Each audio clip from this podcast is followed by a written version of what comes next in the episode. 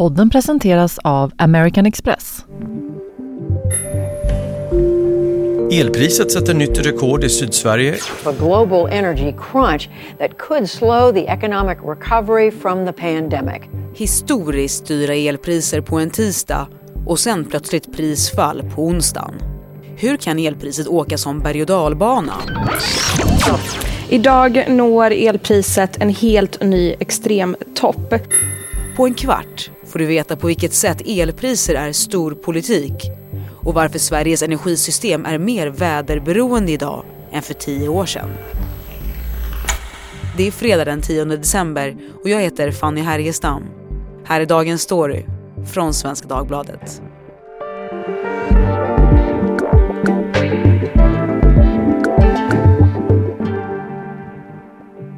Mikael Törnvall, reporter på SvD Näringsliv. Du har ju följt den här frågan länge och skrivit eh, massor av texter om eh, energipriser. Eh, vad är dina tricks hemma för att hålla nere elkostnaderna? Jag vet ju att du till exempel bodde i hus förut men gör inte det längre. Ja, alltså det är ju det viktigaste trickset höll jag på att säga. Det är ju att flytta från hus till lägenhet. Då sänker du dina elpriser jättemycket. Men faktum är att bor man i lägenhet så är det inte jättemycket man kan göra. För liksom den här idén om att man ska dammsuga rätt tid på dygnet, ja du kanske sparar 15 öre på det. Så det gör ju inte jätteskillnad. Men däremot de som bor i hus kan ju tjäna otroligt mycket pengar på att dels då naturligtvis isolera, byta till en mer effektiv värmepump. Men även om man har möjlighet, kör värmepumpen på natten natten och värma upp huset när elen är som billigast och dra ner effekten när elen är som dyrast om du har den möjligheten. Sådana saker kan göra rätt stor skillnad. Ja men det är bra, nu var du inne på de här tipsen som vi kommer komma till eh, senare igen. Eh, det är många eh, lyssnare som är, som är intresserade av vad de kan göra för att dra ner elpriserna. Men nu om vi börjar lite mer från början. Varför har elpriserna stigit så mycket den senaste tiden? Och det är ju frågan som inte finns ett enkelt svar på. Därför det Hela elsystemet är otroligt komplext. Det är inte bara att Sverige är uppdelat i fyra olika elområden som hänger i samma där elen produceras till stor del i norra Sverige, och konsumeras i södra Sverige. Sverige hänger ihop med Norge. Norge börjar exportera el till England, vilket gör att det finns mindre el att skicka till Sverige. Det driver upp priset. Och paradoxalt nog, när vi exporterar el från södra Sverige till Tyskland och Danmark, det driver upp elpriset. Lite förenklat beroende på att det är någon slags aktion helt enkelt. Kan man exportera dyr el till Tyskland istället för att sälja den i Skåne lite billigare? Då passar elleverantören så att säga på att skicka iväg den till Tyskland istället. Och då får skåningarna på kuppen samma elpris som i Tyskland ett tag.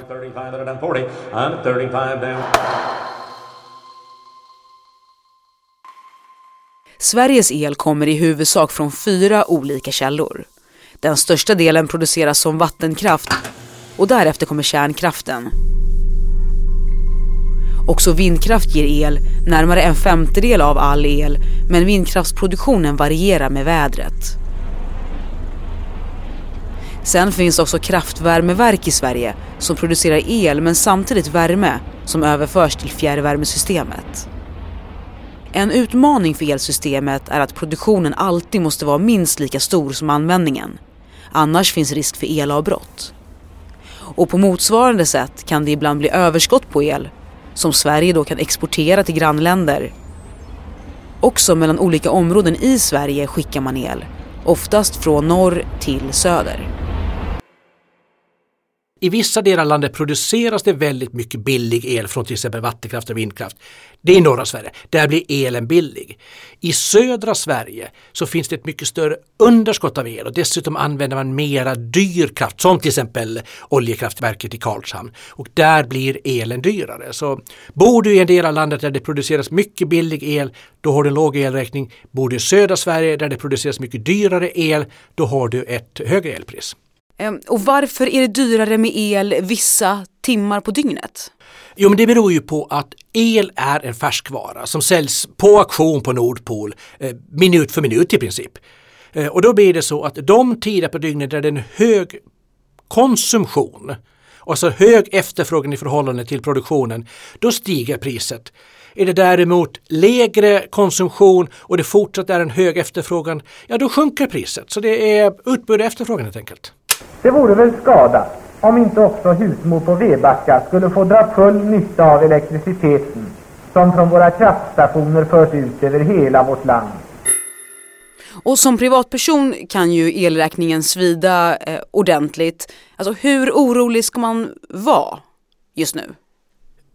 Är det så att man är väldigt beroende av mycket el, man har värmepump, man kanske har en eller två elbilar och man har ett hus som inte är så superväl isolerat. Då ska man nog vara, i alla fall ta höjd för att det kommer att bli dyra elräkningar över hela vintern. Man ska räkna med det att det kan bli någon tusenlapp mera än vad man är van vid. Och vilka hushåll är det som drabbas värst av det här?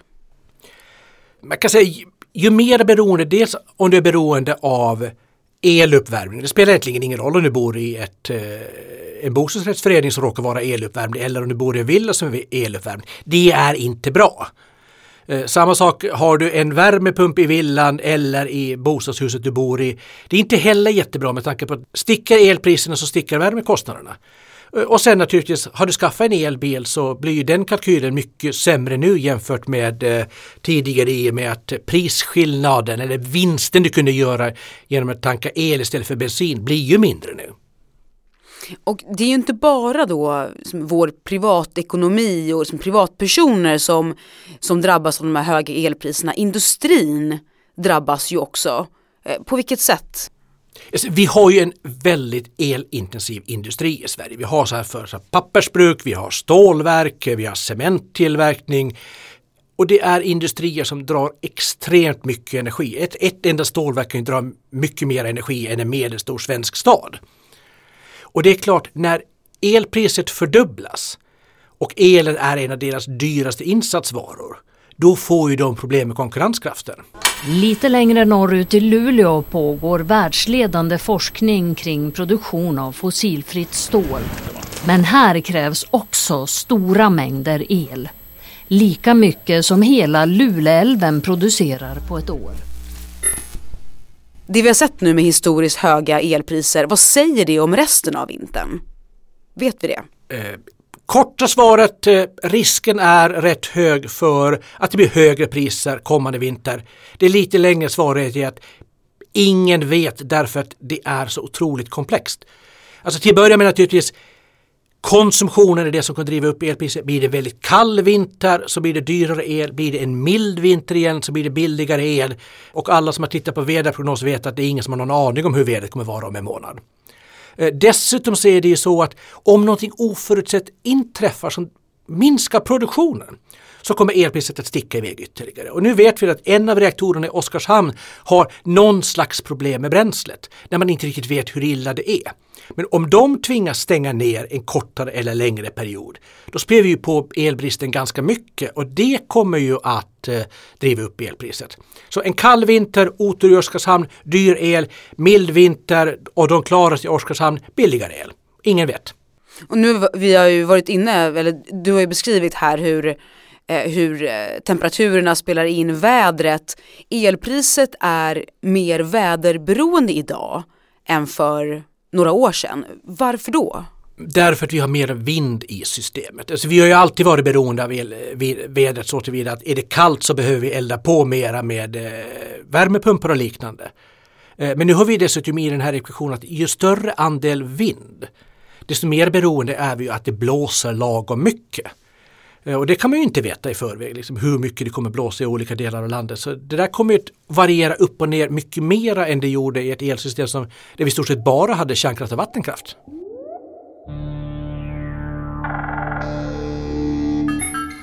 Förutom att Sverige har blivit mer väderberoende de senaste åren har det svenska elsystemet också blivit mer omvärldsberoende. But the situation has especially become a problem in Europe. Fram till 1996 var elmarknaden i Sverige sluten. Sedan dess har vi sett en avreglering. Den har lett till att den svenska elmarknaden blivit sammankopplad främst med den nordiska men också med den europeiska elmarknaden. Så höga priser inom EU driver också upp priser hos oss.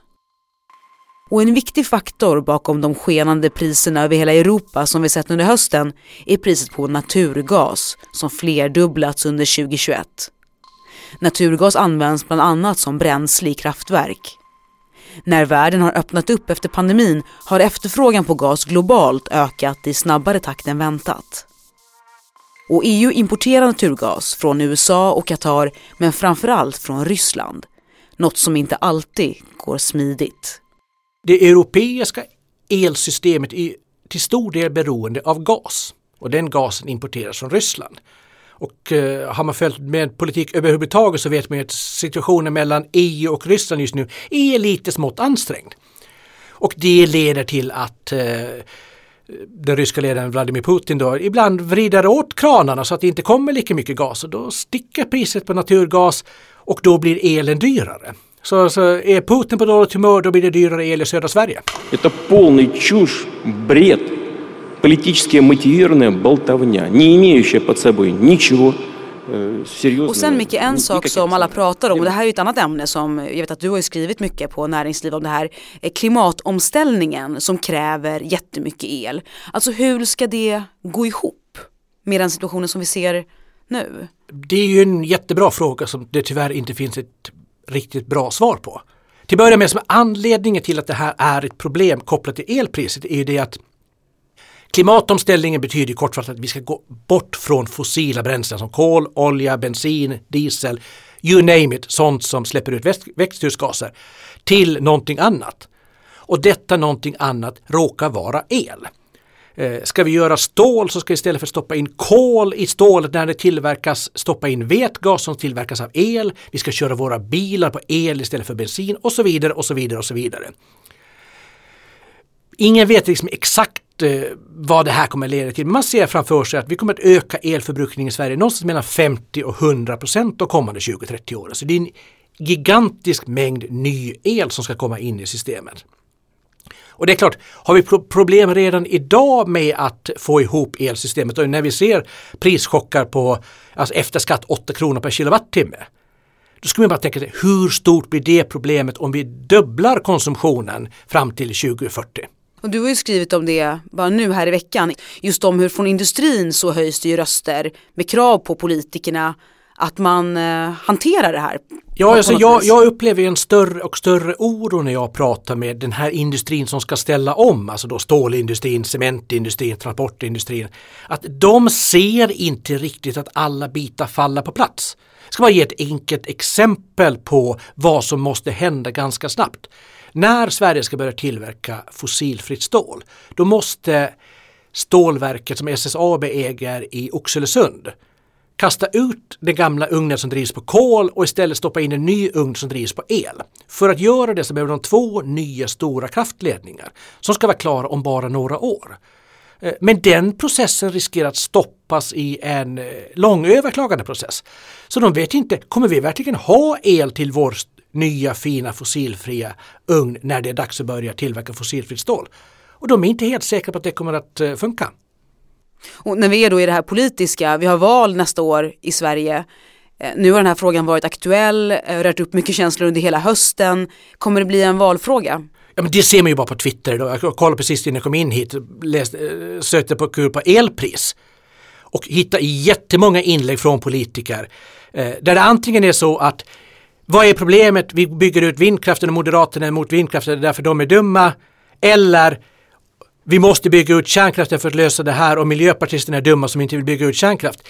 Så det kommer att bli en politisk debatt men frågan är om det kommer att bli en speciellt intelligent politisk debatt. Men och du Micke, jag hörde ju här, du satt eh, nära mig på redaktionen innan vi gick in i studion. Det var en läsare som ringde in och ville ha mm, några tips för att minska elkostnaderna. Kan du ge några sådana tips till våra lyssnare? Alltså, det märks att folk är ju väldigt bekymrade liksom, hur de själva ska hantera den situationen, både med deras egna elräkning och i det stora med deras avtryck på klimatet.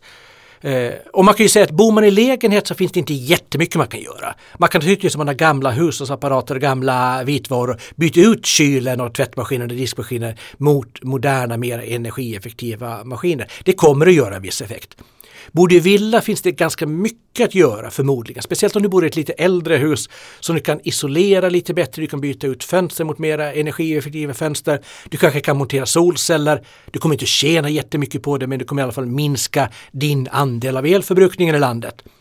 Och sen naturligtvis, har du en gammal värmepump eller om du idag har elvärme eller ännu värre olja, byt ut det och skaffa en modernare värmepump eller skaffa en luftvärmepump om du inte har eh, vattenburvärme och så vidare. Det finns ganska mycket man kan göra. Det var tipsen från vår energiexpert på redaktionen, Mikael Törnvall. Tack Mikael Törnvall för att du var med i dagens story. Tack.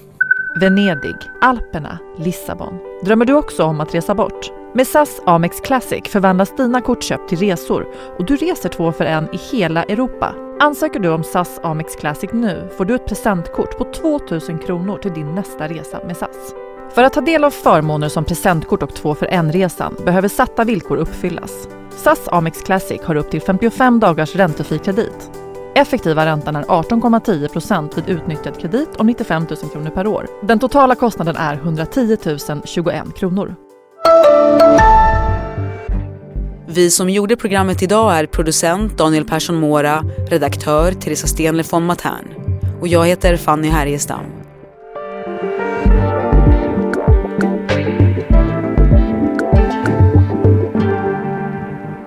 Du har lyssnat på Dagens Story från Svenska Dagbladet. Vill du kontakta oss så mejla till dagensstory.svd.se. Klippen idag kom från SVT, CNBC, Vattenfall, Auctioneer TV, Aftonbladet, PBS och Sveriges Radio.